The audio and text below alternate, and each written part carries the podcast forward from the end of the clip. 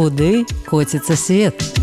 Ці пагражае нам у хуткім часе новая пандэмія ад невядомага раней вірусу? І як з гэтым можна змагацца? Пра гэта мы пагутарым сёння ў падкасці куды коціцца свет з вами алексей знаткевич і наша гостця з таронта алена лявончынка намесніца дырэктара аддзелу тэхналогій у буйной фармацэўтычнай кампаніі. Яна мае навуковую ступень phD гэта прыблізна адпавядае доктару навук у малекулярнай біялогіі. І яна даследавала вірусы у тым ліку каранавірусу структурную біялогію вірусаў у універсітэце таронта алена добрый дзень і вялікі дзякуй што знайшлі час з намі пагутарыць. Прывітанне алексей вельмі прыемна сёння тут быць з вами на радыёвабода І адразу самае галоўнае пытанне. Нам пагражае ў хуткім часе новая пандэмія ад новага раней невядомага вірусу. Ну, я можа быть трохі шакую ваших слухачоў, але адказ так абавязкова будзе новая пандэмія. Калі мы што і ведаем з мінулага стагоддзя з два,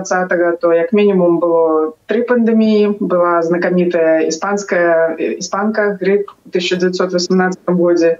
быў таксама грып у 60-х гадоў дзве было пандэміі і таксама многія вучоны лічаць напрыклад што віч або снід по-беларуску хвароба называется. Гэта таксама пачалося як пандэмія зараз она добра кантралюецца у большасці развітых краін ёсць медыкаменты і профілактыка але тым не менш вірус вельмі хутка распаўсюдзіўся па ўсіх кантынентах. Так што мінулага досведа мы можемм сказаць што будзе то і трэба да гэтага рыхтавацца. Але хутка ці не хутка? Як вось ваш ваш прагноз? А вось гэта невядома. Занадта много фактараў. І я могу сказаць что вірусы з вядомым патэнцыялам пандэмічным перш за ўсё гэта грып яны вельмі шчыльна маніторыцца ва ўсіх на ўсіх кантынентах ёсць лабараторыі. Большасць развітых краін трымае ў сябе лабараторыі которые сочаць за ўзнікненнем новых штамаў віруса грыпа. І гэта вядомая пандэмічная пагроза. Ну прынамсі колькі я ўжо працую ў сваёй галіне біяхімічнай фармацэўтычнай столькі яна ёсць. Но самай справе это пачалося з конца два стагоддзя і таксама зараз я ведаю што кавід маніторыць усе мы побачылі патэнцыял як хутка могуць каранавірусы распаўсюджвацца.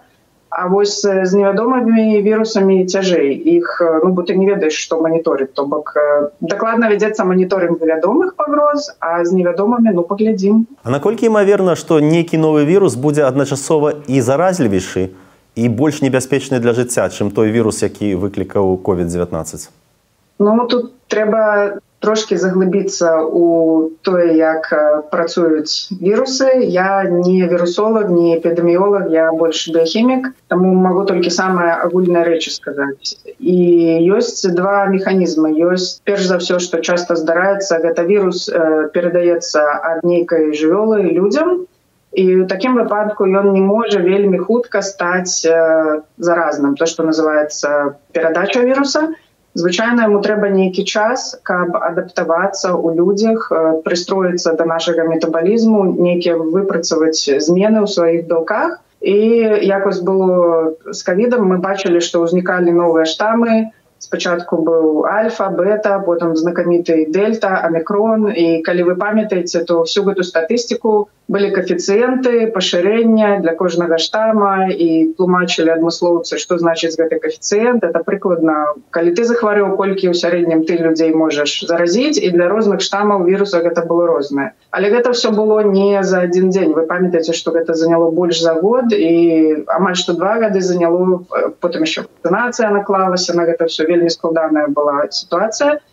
але прынцыпе это ілюструе что калі вірус узнікае у жывёлах то вось яму будзе трэба нейкі час. Але ёсць і другі аспект. Тэарэтычна я не хочу зараз спекуляваць ці гэта было для каліда так ці не тэарэтычна вірус можа уцячы з лабараторыі. І ў лабараторыях потым свеце і да кавіда правадзілася шмат эксперыментаў менавіта таму што вучоныя хацелі у зразумець вось гэту пагрозу наколькі хутка можа вірус тэарэтычна распаўсюджвацца ў папуляцыі. І вырабляліся ў лабараторыях напрыклад супер заразлівыя штамы вірусу грыпа. І гэта былі публікацыі вось у 15 18 годах я памятаю і была вельмі моцная дыскусія у навуковым асяроддзі ці гэта этычна рабіць штучныя вось такія штамы которые могуць вельмі хутка памнажацца ў чалавечых клетках і вельмі добра перадавацца. У лабараторыях калі такое робіць то звычайна учоныя прымаюць меры бяспекі яны выключаюць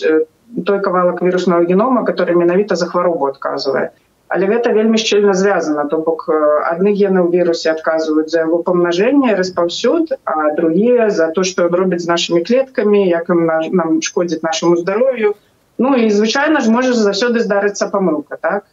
Таму вось калі вірус у лабараторыі вы спецыяльна мадыфікавалі каб ён хутка мог распаўсюджвацца і што-нибудь пашло не так за выключэннем яго небяспечных генаў тэоретычна то можа быть такая лабараторная утечка і ён будзе адначасова і вельмі хуткі і вельмі заразлівы Ну вось пра гэтыя выцекі з лабараторыі мы яшчэ пагутарым пазней А я хацела удакладніць А што ўплывае і на заразлівасць і на небяспеку для жыцця канкрэтнага вірусу калі можна это простымі словамі патлумачыць Ну простымі словамі заразлівасць гэта як добра вірус можа выжываць у асяроддзі. І якім ён шляхам перадаецца і як добра ён можа з гэтага навакольнага асяроддзя трапіць у ваш арганізм зачапіцца за вашу какую-нибудь клетку і ў гэтай клеткі памножыцца. То есть гэта як бы больш звязана з са знешнім асяроддзям і са шчыльнасцю вот, контактаў паміж людзьмі. Напрыклад каб вам даць зразумець вот ёсць вірус корь по-беларуску адзёр да, ён цяпер якраз у беларусі пашыраецца Ён адзін з самых заразлівых, бо ён перадаецца паветраным шляхам. Напрыклад, калі вы жывеце ў шматпавярховым доме і у вас у пад'ездзе нехта захварэў, то вялікая верагоднасць, што з паветай вентыляцыі там на пару паверхаў ён можа з паветрам падняцца і кагосьці заразіць. Таму што ён перадаецца паветраным шляхам і у яго не такая вялікая доза віруса трэба каб заразіцца, бо ён добра чупляецца за клеткі чалавечыя і можа там хутка памножыцца ёсць напрыклад вірус полиамеліта мы уже забыли что гэта такое а напрыклад у пачатку сярэдзіне двадцатого стагоддзя ва ўсіх буйных гарадах ЗША Европы і ў нашым рэгіёне ўсходняй Европе былі вялікія эпідэміі кожны год. І гэты вірус он увогуле вельмі стабільны он можа тыднямі і месяцамі жыць у вадзе у зямлі ну таму что адаптаваны для перадачы праз страўнік праз рот. Это прынцыпе характэрна для энтэравірусаў которые праз страўнікавую сістэму памнажаюцца і бо яны перадаюцца праз брудныя руки праз ваду праз туалет і яны прыстасаваліся каб выжываць доўга у навакольным асяроддзі а напрыклад вирус віч ён перадаецца праз кроў то есть прямым контактам не праз паветра не праз ваду і ён не вельмі стабільны Таму калі вы маеце руки там працяраеце інструменты ў бальніцах стрэлізуюць там спиртам праціраюць нагрываюць яго вельмі лёгка забіць і ён не так перадаецца ні праз паветра ні праз ваду то есть ось гэта перадача гэта вельмі залежыць ад асяроддзя. А уже шкода для чалавеча арганізма гэта конкретно як гэты вирус у якіх клетках ён памнажаецца якім тканкам ён за гэтага шкодзіць. Вот напрыклад той же веч он вельмі падступны. Ён пранікае у клеткі імуннай сістэмы як бы ён забівае тыя клеткі которые забіваюць вирусы то есть ён б'е ў самые такую уязвимую кропку чалавечага імунітэта як бы а нас абязброевая мы застаёмся без зброі каб змагацца з іншымі вірусамі і напрыклад людзі у которых уже далёка прасунуты віч ім цяжка абараняцца ад інфекцыйных хваробаў і яны з-за гэтага часто паміраюць ад інфекцыі которые звычайнаму чалавеку увогуле ён бы их лёгка перанёс або было б лёгка яго вылечыць Вось. А напрыклад грейп або кавід яны э, пранікаюць у наш э, дыхательны тракт і там бронхі лёгкія то бок яны шкодзяць дыханню што таксама вельмі важны для чалавека працэс вы ж не можете не дыхаўшы жыць і таму гэта хутка адбываецца не так павольна як з вірусам віч то бок гэта гадзіны і дні ну і вы просто вам цяжка дыхаць то бок гэта уже вось это шкода для арганізма это залежыць да якіх клетак вірус зачэпіцца а вірусы мы ж таксама хоць яны не жывыя гэта не лічыцца што гэта жывы арганізм але яны ну як вірусы камп'ютарныя то што вот людзі ведаюць што вірусы камп'ютарныя пастаянна выпускаюцца новыя версіі э, хочуць хакеры даступіцца то да вашага жорсткага дыска то да вашага выхада в інтэрнет то яшчэ да чаго-нибудь ну то ж самае звычайныя вірусы яны пастаянна мяняюцца і пастаянна шукаюць новыя сабе мэты новыя вароты новыя клеткі ў наших арганізмах і гэта частка чаму іх так цікава вывучаць потому что яны вельмі хутка мяняются параўналі нас з іншымі жывымі арганізмамі і мы можем у жывым режиме бачыць як яны прыстасоўваюцца і як яны хочуць знайсці сабе новыя мэты ў нашым арганізме новыя вароты Алена скажите вось цяпер часам гавораць про так званы вирус X гэты новы вирус які можа выклікаць новую пандемію. Як вы уяўляеце якім можа быць гэты новы вирус X Ну вирус X гэта больш такі зборны тэрмін э, пасля таго як здарылася пандемія covid-19 э, арганізацыя сусветная аховы здароўя і міністэрства аховы здароўя таких развітых краінаў яны нарэшце такі схапіліся і задумаліся А што ж мы будзем рабіць у наступную пандемію бо пандемія двадцатого года она была вельмі моцным таким ударом і по эканоміцы і по сістэмах аховы здароўя розных краінаў Таму зараз гэта як бы такая стратэгічная гульня я бы назвала калі вы працуеце ў нейкай буйной кампаніі або военной там сферы або ў дзяцінстве вспомніце зарніцы ваших пенерлагерах Гэта такая сімуляцыя што мы будзем рабіць калі на нас нападзе ў чарговы раз вораг І вось яны абмяркоўваюць як мы можемм падрыхтавацца што нам трэба мець колькі нам трэба дактароў колькі нам трэба больніц якая у нас будзе сістэма апавяшчэння якая у нас будзе кааперацыя паміж рознымі краінамі якія фонды мы павінны на гэта ашчадзіць. І як мы будзем самае галоўнае дзяліцца інфармацыяй і як мы будзем дзяліцца лекамі. Таму што вы памятаеце калі з'явіліся вакцыны ад кавіда то то было вельмі цяжка. Не все краіны могли іх хутка атрымаць і там не бойкі былі сярод палітыкаў. Хто колькі доз атрымае была чарга і все было вельмі неарганізавана. Таму зараз спрабуюць падрыхтавацца перш за все лагістыку і камунікацыю паміж рознымі арганізацыямі краінамі. Глядзім там вирус вот я ж сказала что грипп да грипа рыхтуюцца ўжо гэтыя все протоколы камунікацыі яны існуюць я думаю что каля 50 год і можа быть неяк палепшыць з улікам того что у нас ёсць уже напрацаваная для грыпа теперь вы ведаеце что ковид таксама глобальная сетка моніторинга она ўзнікла падчас пандеміі і она зараз працягвае працаваць. Уже ковіда не так много ў навінах але калі вы пашукаеце в сеціве вы можете зайти на сайт дзе показваюць у жывым режиме якія зараз у якой краіне штамы колькі там чаго больш-менш як ён распаўсюджваецца. То бок моніторинг за ім ідзе Я думаю, што вось гэтыя две сістэмы маніторинга для грыпа і для кавіда яны ўжо існуюць, яны апрабаваныя і я думаю, што іх хутчэй за ўсё адаптуюць для того, каб сачыць за гэтым новым невядомым пакуль вірусам X. А скажыце, ці пагражае нам новы лакдаун у выпадку такой эпідэміі, ці паказалі лакдауны падчас эпідэміі ковіду сваю эфектыўнасць?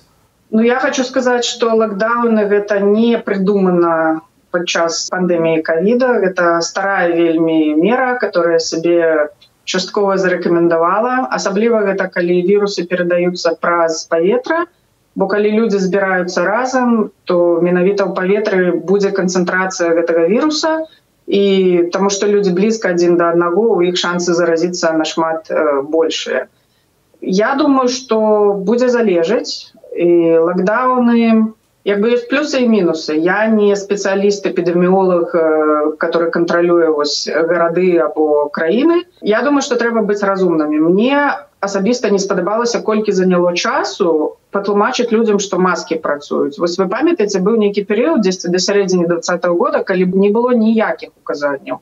я бачыла вось я тут живу у канадзе тут вельмі шмат людзей з азіі і у іх гэта культура. Нават калі зімой грып звычайна сезонны яны калі ты хворы ты апранаеш маску і носіш. У нас маски пропалі яшчэ да ўвядзення лакдауна бо все людзі з таго рэгіёна яны ведалі что калі надвигаецца рэспіраторная хвароба трэба мець маску і трэба е насіць. Да усялякіх указанняў мінздрава да ўсяго офіцыйна у нас у канадзе маски порекомендовали 10 летом двадцатого года то бок уже праз 3-4 месяца пасля того як офіцыйна была пандемія об'яўлена вось гэта мне не спадабалася тому что как бы сказали адразу я асабіста не разумею чаму заняло столькі часу бо гэта было вядома что это коронавірус. У 2007 годзе была эпідэмія SARS калі вы памятаеце таксама коронавірус і пасля гэтага сколькі атрымліваецца 13 год ва ўсіх краінах коронавірусы вывучалі і было добра вядома што яны перадаюцца рэспіраторным шляхам Таму што 30соткаў хто не ведае хто не медык 30соткаў усіх рэспіраторных хваробаў то што называется орві орз гэта коронавірусы яны не такія летальныя небяспечныя як covid 19 але гэта все те ж сам одно сямейства вірусаў і добра вядома што яны перадаюцца по паветры і чаму нельга было адразу сказаць што людзі насіце маскі забяспечыць людзей маскамі і знізіць інтэнсіўнасць вось гэтых лакдаунаў вось гэта я лічу была вялікая адміністратыўная што ли хіба і недапрацоўка ўсіх мінздраваў у развітых краінах. А так прынцыпе лакдауны яны маюць свой сэнс толькі трэба іх з розумам прымяняць. А скажите звычайны чалавек асобны чалавек можа неяк падрыхтавацца цяпер каб мінімізаваць рызыку ад будучай эпідэміі для сябе і для сваіх блізкіх? Ну вядома што можа. Гэта я спадзяюся уже пасля кавіда все людзі сталі грамотныя усе умеюць э, здабываць інфармацыю. Моя галоўная парада такая что э, сусветная арганізацыя аховы здароўя саз і мінздрав вашай краіны яны ніколі не будуць вам казаць няправду ніколі Таму што ў сучасным свеце я мог паспрачацца пра міністэрства аховы здароўя беларусі бо я асабіста рабіў расследаванне дзе яны казалі неправду са статыстыкай смерці ад ковіду. Я маю не статыстыку а яны не будуць казаць неправду пра сам вірус і як ён працуе і якія лекі працуюць статыстыку так бо ў беларусі гэта палітыка і на жаль во многіх краінах гэта таксама стала каля палітычнай тэмай і на ёй шмат спекуляцыі але я маю на увазе вам каб абараніцца ад віруса вас і вашу сям'ю вам может быть не так і трэба статыстыка. Вам больш трэба ведаць что гэта за вірус як ён перадаецца якія меры бяспекі. І таксама ці эфектыўна супраць яго нейкія лекі ці не. Вось пра гэта ніколі не будзе маніць ні саз, ні які мінздраў, Таму што гэта інфармацыя ў сучасным свеце яна празрыстая, яна вядомая і падманваць пра гэта ну проста не мае сэнсу, Таму што вас жа выкрые любы грамотны блогер, не кажучы ўжо пра экспертаў медыкаў, которых ва ўсім свеце дастатковая інфармацыя вельмі хутка распаўсюджваецца. Таму чытайце афіцыйныя крыніцы, моя заўвага пра афіцыйная крыніца што яны кажуць ту праўду но яны не робяць добрую працу каб людзей інфармаваць эмацыйна і доступна Вось там часто вельмі цяжка прабіцца праз гэты весь афіцыйны тэкст з тэрмінамі з рознымі такімі шэрамі такімі якімі-то афіцыяльнымі фразамі. Вось заўсёды чытайце іх і калі вам там незразумела і здаецца што это все вельмі неяк абстрактна то то загадзя пашукайце добрых блогераў кому вы давяраеце людзей з медычнай адукацыі таких зараз много в інтэрнэце у вашай краіне на вашай мове. І слухайце людзей з медычнай адукацыі которые маюць рэпутацыю которая уже доўга у гэтай галіне выступаюць яны добра тлумачаць вось гэта самое галоўнае. І інфармуйце сябе займіцесь падрыхтоўкай інфармацыйнай. Самыя базовые рэчы што ёсць вірусы которые передаются праз паветра есть вирусы которые передаются праз кроў есть вирусы которые передаются праз ваду и брудные руки. И меры бяспеки в принципе по кожнай из гэтых трех групп яны падобныя незалежна от вируса. То есть вам хотя бы самое базовое трэба зразумець і тады уже калі новый вирус узнікае его объявляюць вам першае зразумець Окей з якой это категории брудные руки значится мы им руки все процираем санитайзером и мыем все продукты, кипятим воду, не открываем там, не берем на улице у чужих людей, ну, в принципе, так не треба робить, не обмениваемся некими там предметами, за которые мы беремся, и дети могут взять в рот, сочим за детьми малыми, которые там в садик ходят, у молодшей класса школы, бо они все тягнут в рот и приносят туда разу домой калі рэспіраторны но думаю уже пасля ковіда все ведаюць что трэба носить маски близко не подходить один до одного не чихать вот это вот прикрываться. Но калі праз кроў передаецца то я не думаю что может быть вялікая пандемія там уже это больше до медработников бо ну, ну где вы праз кроў заразитесь? Мало таких профессий. Так что вось так. І яшчэ бываюць вірусы, которые ад жывёл перадаюцца людзям вот на фермах, ад птушак, ад свіней, но там ізноў жа гэта шчыльна кантралюецца міністэрствамі сельскай гаспадаркі у кожнай краіне і вам хутчэй за ўсё будзе калі вы працуеце з жывёламі, то у вас будуць свае прафесійныя інструкцыі звычайнаму чалавеку это не вельмі актуальна. Куды коціцца свет? калі з'явіліся вось гэтыя вірусы якія выклікалі covid-19 даволі хутка атрымалася зрабіць вакцыну і даволі хутка пачалася вакцынацыя на вашу думку калі з'явіцца новы вірус наколькі рэальна што вакцына з'явіцца яшчэ хутчэй гэта вельмі цікавае пытанне дзякуй яшчэ хутчэй я не думаю бо covid-19 была такая вялікая неабходнасць і вам для того каб разумець вакцыны гэта адзін з самых кансерватыўных прадуктаў фармацэўтычнай прамысловасці Чаму Таму што вакцыну коляць у абсалютна здаровага чалавека і больш таго большасць пацыентаў гэта абсалютна здаровыя дзеці одна справа калі чалавек хворы у яго допустим там рак або нейкая сардэчная хвароба ў цяжкай форме вы можете допусціць некаторую рызыку да бо у чалавека такая хвароба нават калі лекі яны не вельмі стосоткава там супербяспечная суперэфектыўная але вы ўзважыце рызыкі у мяне цяжкая хвароба або я прыму лекі і у мяне ёсць там невялікая рызыка нейкіх эфектаў вы выбереце лекі а тут нашмат больш складаная дылема. Здаровы чалавек здаровы дзіцёнак нічога его няма і што я дазваляю укалоць невядома што у мой дарагі арганізм. Зразумела што людзі вельмі да гэтага ставяцца кансерватыўна заўсёды з падазрэннем ніхто не хоча просто так калоць у сябе нічога і таму цыкл развіцця вакцыны вось допустим ад таго як з'явілася патрэба і да таго якія выпусцілі ўжо да дактароў да пацыентаў звычайна 10 год. Калі здарыўся кавід то выпусцілі вакцыну за год. То бок у 10 разоў хутчэй чым гэта нармальная была практыка для вакцын. Гэта была просто касмічная хуткасць. Але пры гэтым наколькі я ведаю сачыла за публікацыямі яны не пропусцілі на ніводнага этапа то бок яны зрабілі за один год три этапа клінічных выпрабаванняў і все звычайныя протаколы которые мусілі быць яны былі я думаю что ну год гэта мінімум і плюс что здарылася что гэта вось технологія рнк мрнк вакцын гэта таксама быў першы раз что такая вакцына была выпущена на масавы рынок то бок былі эксперыментальныя спробы там на жывёлах у лабараторыях але што гэта выпусцілі да людзей гэта быў першы раз. І гэтая тэхналогія яна вельмі перспектыўная вельмі хутка можна рабіць вакцыну гэта як бы дні і тыдні замест месяцаў і год. І таму я думаю что прыкладна трэба арыентавацца на год Вось вы ўжо сказалі пра гэты баланс да пра тое што колюць у абсалютна здаровага чалавека тым больш у дзіця здаровае. Які павінны быць баланс паміж рызыкай ад нейкага вірусу і рызыкай пабочных эфектаў ад вакцынацыі? Што якія павінны прайсці выпрабаванні і што павінны гэтае выпрабаванне паказаць каб пачаць масавую вакцынацыю нейкіх групаў тых жа дзяцей ці там пенсіянераў Ну зноў жа прабачце мяне все хто медыкі будзе слухаць я не медык ні ў якім разе не могу даваць ніякіх медычных рэкамендацыяў павінны звычайна прайсці тры этапа медычных выпрабаванняў для вакцыны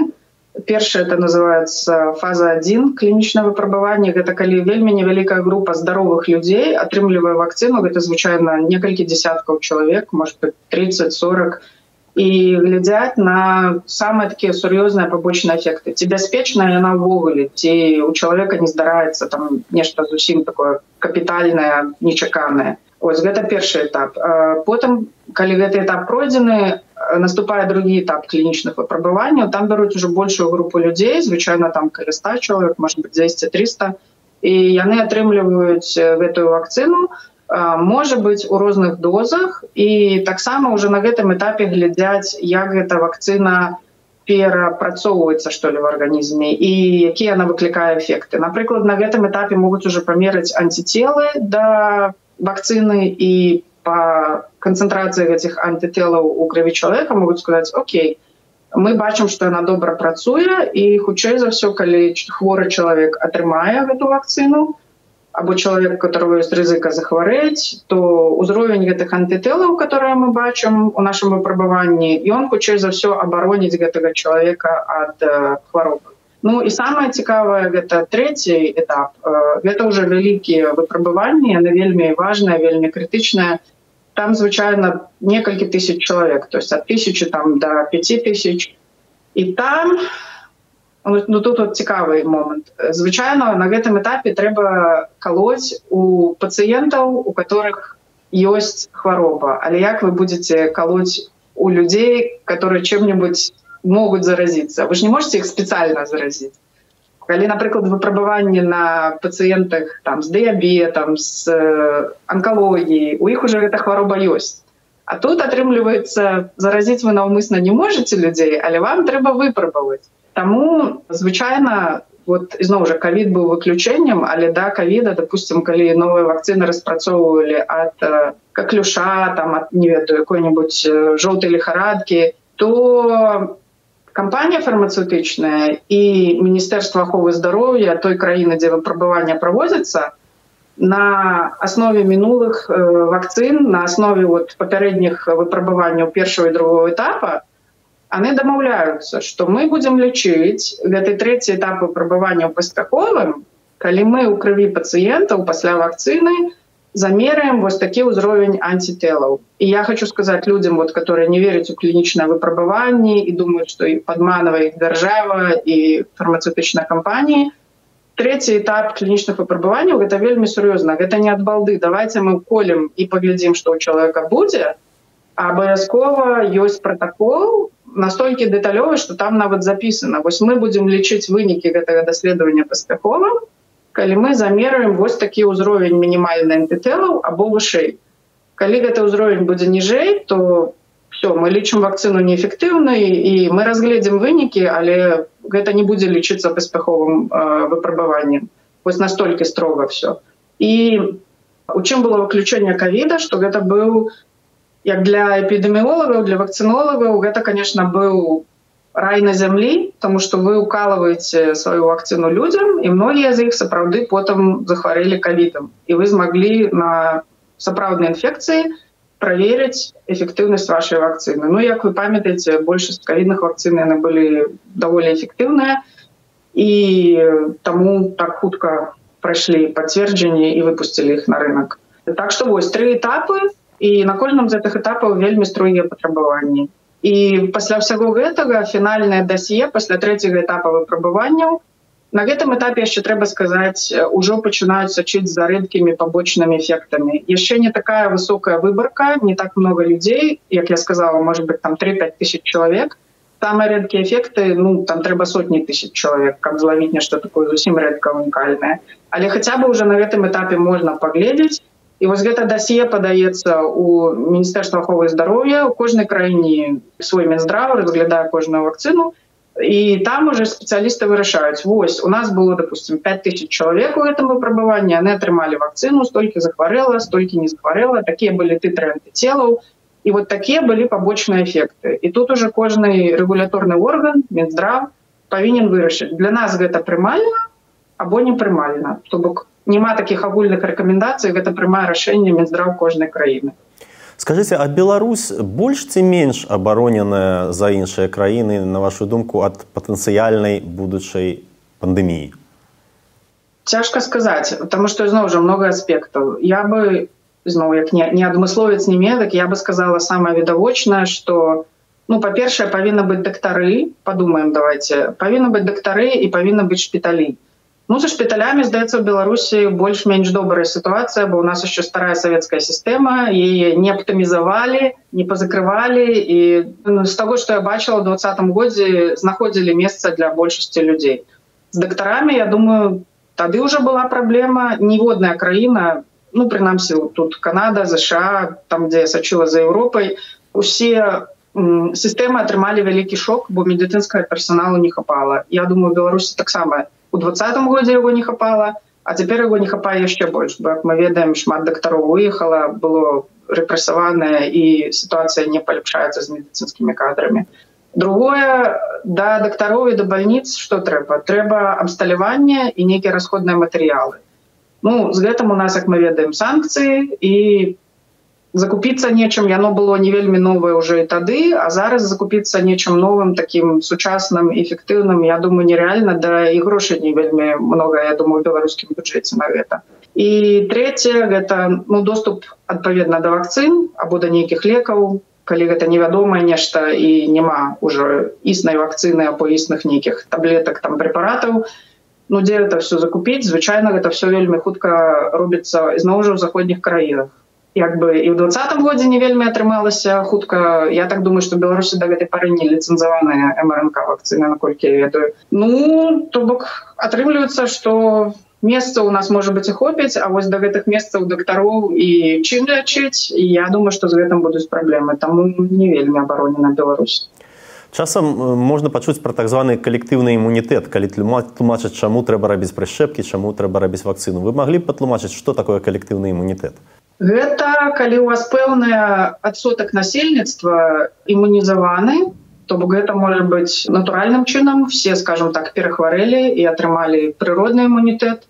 або атрымалі вакцыну і маюць імунітэт ад вакцыны. Ну это вельмі простая ідэя, калі у вас вот вы уявіце, што вірус гэта, не знаю шарик который по ланцужку люди один одному передают во всякую эстафете гэты мячик то допустим люди у которых есть иммунитет э, у их будут руки за спиной на этой мячик не могут взять у хворого человека и мячик э, упаде на землю. То бок вы вы становитесь ну, звычайно кажут слабым.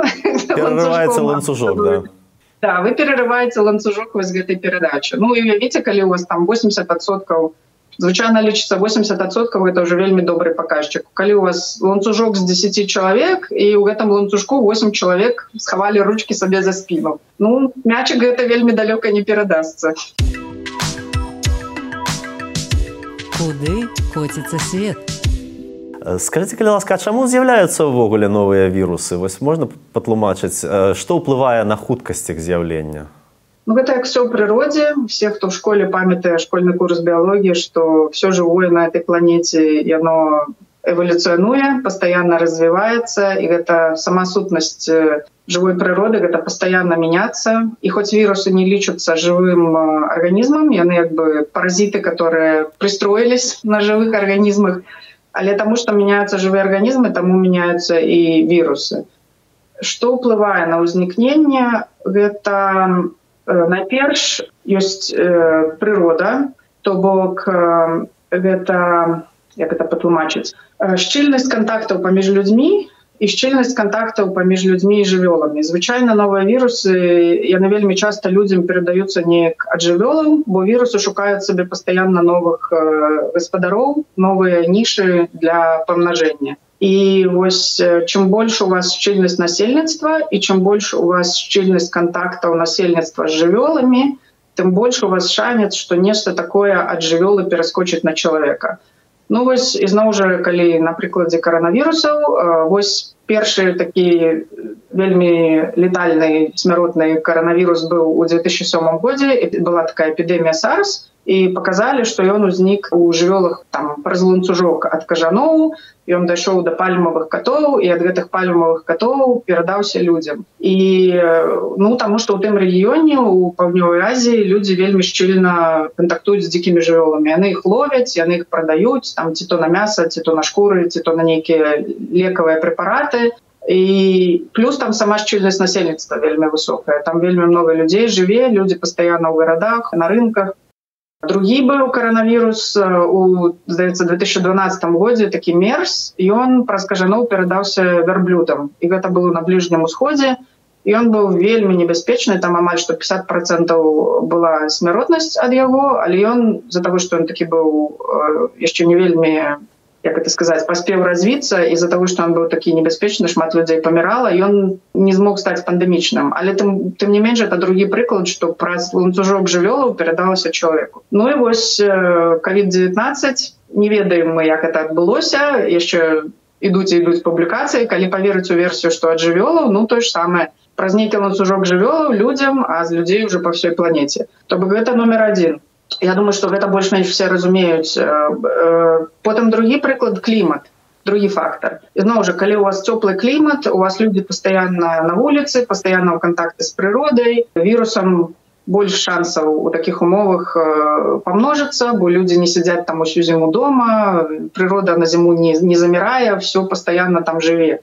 зноў жа для многіх вірусаў э, важна і тэмпература і вільготнасць і дажджы потому что вельмі складаныя ланцужкі там могуць быць некалькі відаў жывёлаў некалькі відаў раслінаў которые ты жывёлы ядуць і вось оно так будуецца будуецца і ну цяжка это мадаляваць але дакладна клімат уплывае но самое цікавае я думаю что людзі может быть про это не задумывались гэта дэмаграфія і як не парадаксальна тэхналогія і прагрэс навукі і медыцыны дэмаграфія ў тым сэнсе што у нас зараз па ўсёй планеце насельніцтва старыя і як вядома у пажилых людзей у людзей больш сталага ўзросту там я напрыклад 40 плюс я уже могу в эту катэгорыю припісацца чем больше мы сталеем тым слабейшы у нас становится імунітэт і конечно калі у вас слабейшы імунітэт то вирусу прасцей у вашем арганізме памножыцца у вас будзе большая доза канцэнтрацыя вируса в арганізме і вы з большай верагоднасцю яго перадасіце камусьці іншаму так? І плюс шмат людзей зараз прымаюць імунасупрэсанты то бок многія хваробы ёсць допустим аўтаімунныя дзе ваша імунная сістэма выходзіць з-пад кантролю і вы прымаеце прэпараты которые гэтую імунную сістэму трошки так прыцішаюць інгібуюць робяць менш актыўнай і на фоне вось гэтых прэпаратаў калі вы атрымаеце нейкі вірус былі задакументаваныя прыклады з covid 19 что человек который сидел на иммуносупрессантной некой терапии у его вирус в организме заставался вельмі долго месяцами и за гэтые месяцы он так поспевал меняться что выраблялись у человека это в организме такие суперштаммы которые становились довольно заразливыми больше такими серьезными чем той вирус который до их попал першапочаткова и она были как инкубаторы вот лабораторные инкубаторы лечи что для вируса бы свой иммунитет не мог и доўга вірус у арганізме ён меняется становится больш заразным і гэтыя людзі распаўсюджвалі его на іншых людзей больш заразную версію і больш эфектыўна распаўсюджвалі і таксама наши тэхналогіі не толькі ў плане вот імунасупрэсантаў а што мы уплываем на вірусы праз тое што мы напрыклад робім вакцыны гэта вельмі вядомая рэч Ну, гэта ведаеце зараз все ведаюць у сувязі з вайной все ведаюць пра вайну этого самого меча і шчыта что калі военные придумываюць новый танк э, друг, другі бок другие военные супраць гэтага танка придумываюць новую ракету або новый дрон або еще что Ну вось так і с вирусами як толькі мы придумываем новую вакцину пачынаем массово насельніцтва вакцынаваць узнікае той самы групавы імунітэт про который вы сказали то а вирус таксама пачынае меняться або бактэрыя вот адказ на гэта. То бок ён такі о мне теперь недзе размножацца что ж мне рабіць і ну он не думае конечно это адбываецца шляхам мутацыі молекул. І паскараецца мутацыя і адбываецца адбор варыянтаў гэтага вируса которые на вакцину так сказать не реагуюць им все роўно яны могуць на фоне вакцины размножацца такі вот парадокс что мы сваімі вакцинами з аднаго боку себе абараняем а з другого боку паскараем мутацыі віруса і можем выклікаць новыя версіі хто ведае про антыбіотыкі вот я думаю люди может быть больше ведаюць про супер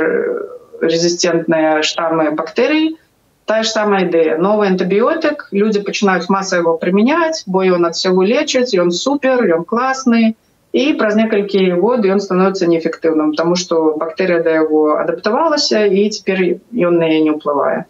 Мы уже казалі на пачатку пра магчымыя выцяжкі з лабараторыі. Скажыце, а наколькі небяспечна, што вось новы гэты вірус патэнцыйны можа быть для пандэміі можа з'явіцца праз выцяжку з лабараторыі, наўмысную ці выпадковую. Я думаю, што гэта вельмі рэальны сцэнар. Акуратна скажу, што з майго досведу працы ў акадэмічных лабараторыях, то бок універсітэтах і з працы ў фармацэўтычнай кампаніі, У бізнесе у фармацэўтычных кампаніях вельмі жорсткі нагляд з боку дзяржавы вельмі жорсткі. Все что ёсць жывое з бактэрый вірусаў у так сказать як там резервуарах кампаній что это захоўваецца яно кантралюецца вельмі жорстка. Кожная ампула кожны віал запісан праходзіць інвентарызацыя праходзіць інспекцыі дзяржаўныя рэгулярна і прынцыпе ахова працы яна кантралюецца вельмі жорстка на ну, у кожнай кампаніі ёсць свой аддзел біябяспекі ёсць аддзел аховы працы. Людзі абавязкова імунізаваныя ніхто вас не дапусціць у кампаніі да працы ні з якім паталагічным арганізмам калі у вас няма імунітэту вас сто раз праверыць што у вас ёсць усе элементы абароны то калі трэба маска пальчаткі рэспіратор касцюм гэта все будзе і у вас няма шансаў зайсці на сваё рабочее месца калі вы не апрануты па ўсёй форме з усімі элементамі на жаль у акадэмічных лабараторыях гэта больш расслаблена з того что я бачыла я не ведаю про Беларусь но на захадзе дакладна і там мне здаецца больш шансаў тому что там па-першае вялікі поток людзей э, студэнтаў вельмі много людзей новых которые не, ну, не завсёды, скажем, щиро молодые люди, которые хочуць служыць навуцы, спасаць свет, вынаходзяць лекі, не заўсёды яны думаюць не пра сваю бяспеку, не пра бяспеку іншых людзей. Ну, просто моладасць, яна адкрытая больш да рызыкаў, і плюс кантроль там слабейшы звычайна ў універсітэтах. Я вельмі спадзяюся, што пасля пандэміі большасць навучальных установаў полепшала свои протоколы и назирают зараз больше щільно, але я думаю, что рызыка все равно застаецца. І як я уже сказала, вельмі ідуць гарачыя дэбаты, ці ўвогуле гэта этычна займацца геннымі нейкімі маніпуляцыямі з небяспечнымі вірусамі, бо тут ізноў жа баланс. Аднаго боку мы хочам даведацца, як яно можа быць, каб падрыхтавацца да найгоршага сцэнарыя, а з другого боку, а што калі будзе памылка і гэты вірус уцячэ. Ну тут няма адказа добрага тут люди павінны постоянно размаўляць і дамаўляцца про контроль над гэтымі экспериментами.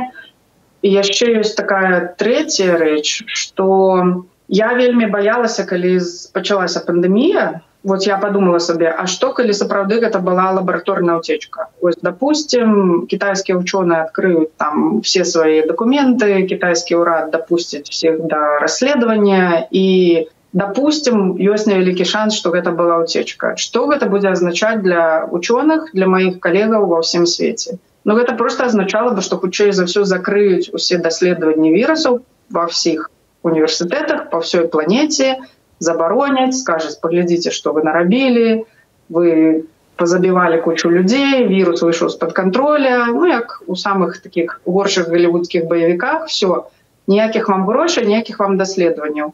И в вынику, что могло бы быть? Ну, закрыли бы просто все вирусные программы во всех университетах во всем свете. И в вынику, праз некалькі год, калі б здарылася сапраўдная пандемія, у нас бы ничего не было. Так что кожны человек, кто про это думае, он повинен думать много сцэнарыяў і якія будуць наступствы у кожнага з гэтых сцэнарыяў ось і не, няма простага адказу на это пытанне вы ўжылі военную метафору пра зброю да танк і ракета якая знішчае танк і так далей але рэальна як зброю могуць ужываць вірусы і хто ну любая краіна у которой дастаткова развітая наука конечно она можа вось вы может быть ведаеце наши гледачы ведаюць что у 1979 ці 80 годзе здаецца саз Сусветная организация оховы здоровья объявила, что знищили вирус оспы на всей планете. Это был первый вирус, который официально была декларация, что все, мы, как человечество, глобально на всей планете, мы его перемогли. И с той поры я ведаю только из новинов, сам з открытых крыніцаў, что ён захоўваўся для, как это сказать, биоматериал для таких даследческих мэтаў хоць на ім не праводзілі ніякіх даследаванняў ну просто як архіўны матэрыял скажем так. Он захоўваўся у савецкім саюзе і ў злучаных штатах. Можа быть у нейкіх лабараторыях там дзесьці штосьці завалялася па ўсім свеце але дакладна з ім не вялі актыўных распрацовак нічога і вось уявіце вірус ён даволі такі заразлівы даволі небяспечны і уже атрымліваецца 40 колькі там 5 44 гады то не ідзе вакцынацыі то бок натуральнага імунітэту ну вось может быть людзі яшчэ майго веку вашага хто ў савецкім саюзе эту прышчепку атрымліваў а маладзейшыя людзі каму менш за 30 хутчэй за все что все у іх няма імунітэту ну і что вот зараз любой чалавек прынцыпе можа там украсці гэты віал у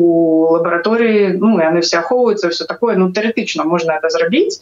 і можна неяк яго выпусціць і пачаць эту пандемію. Может быть вельмі небяспечна конечно імкнецца такія шансы імкнуцца до нуля бо это все ахоўваецца кантралююцца і мы ведаем як лячыць. Дарэчы я ведаю что дзяржавы конкретно по воспе захоўваюць для военных невялікія запасы вакцыны. То бок я ведаю что заходнія дзяржавы яны плануюць такі варыянт і ў большасці дзяржаў ёсць на складах іхніх мінздраваў там некалькі десяткаў тысяч доз вакцыны ад оспы. На выпадак калі вось гэта здарыцца то хаця бы медыкаў і военных яны могуць хутка імунізаваць каб яны ўжо далей праводзілі пандемічныя меры і абаранялі насельніцтва пакуль новая доза вакцыны не зробяць фармакампаніі так что так гэта рэальная пагроза і больш таго большасць дзяржаў яна пра гэта думае і рыхтуецца вы некалькі разоў казалі што вірусы ну яны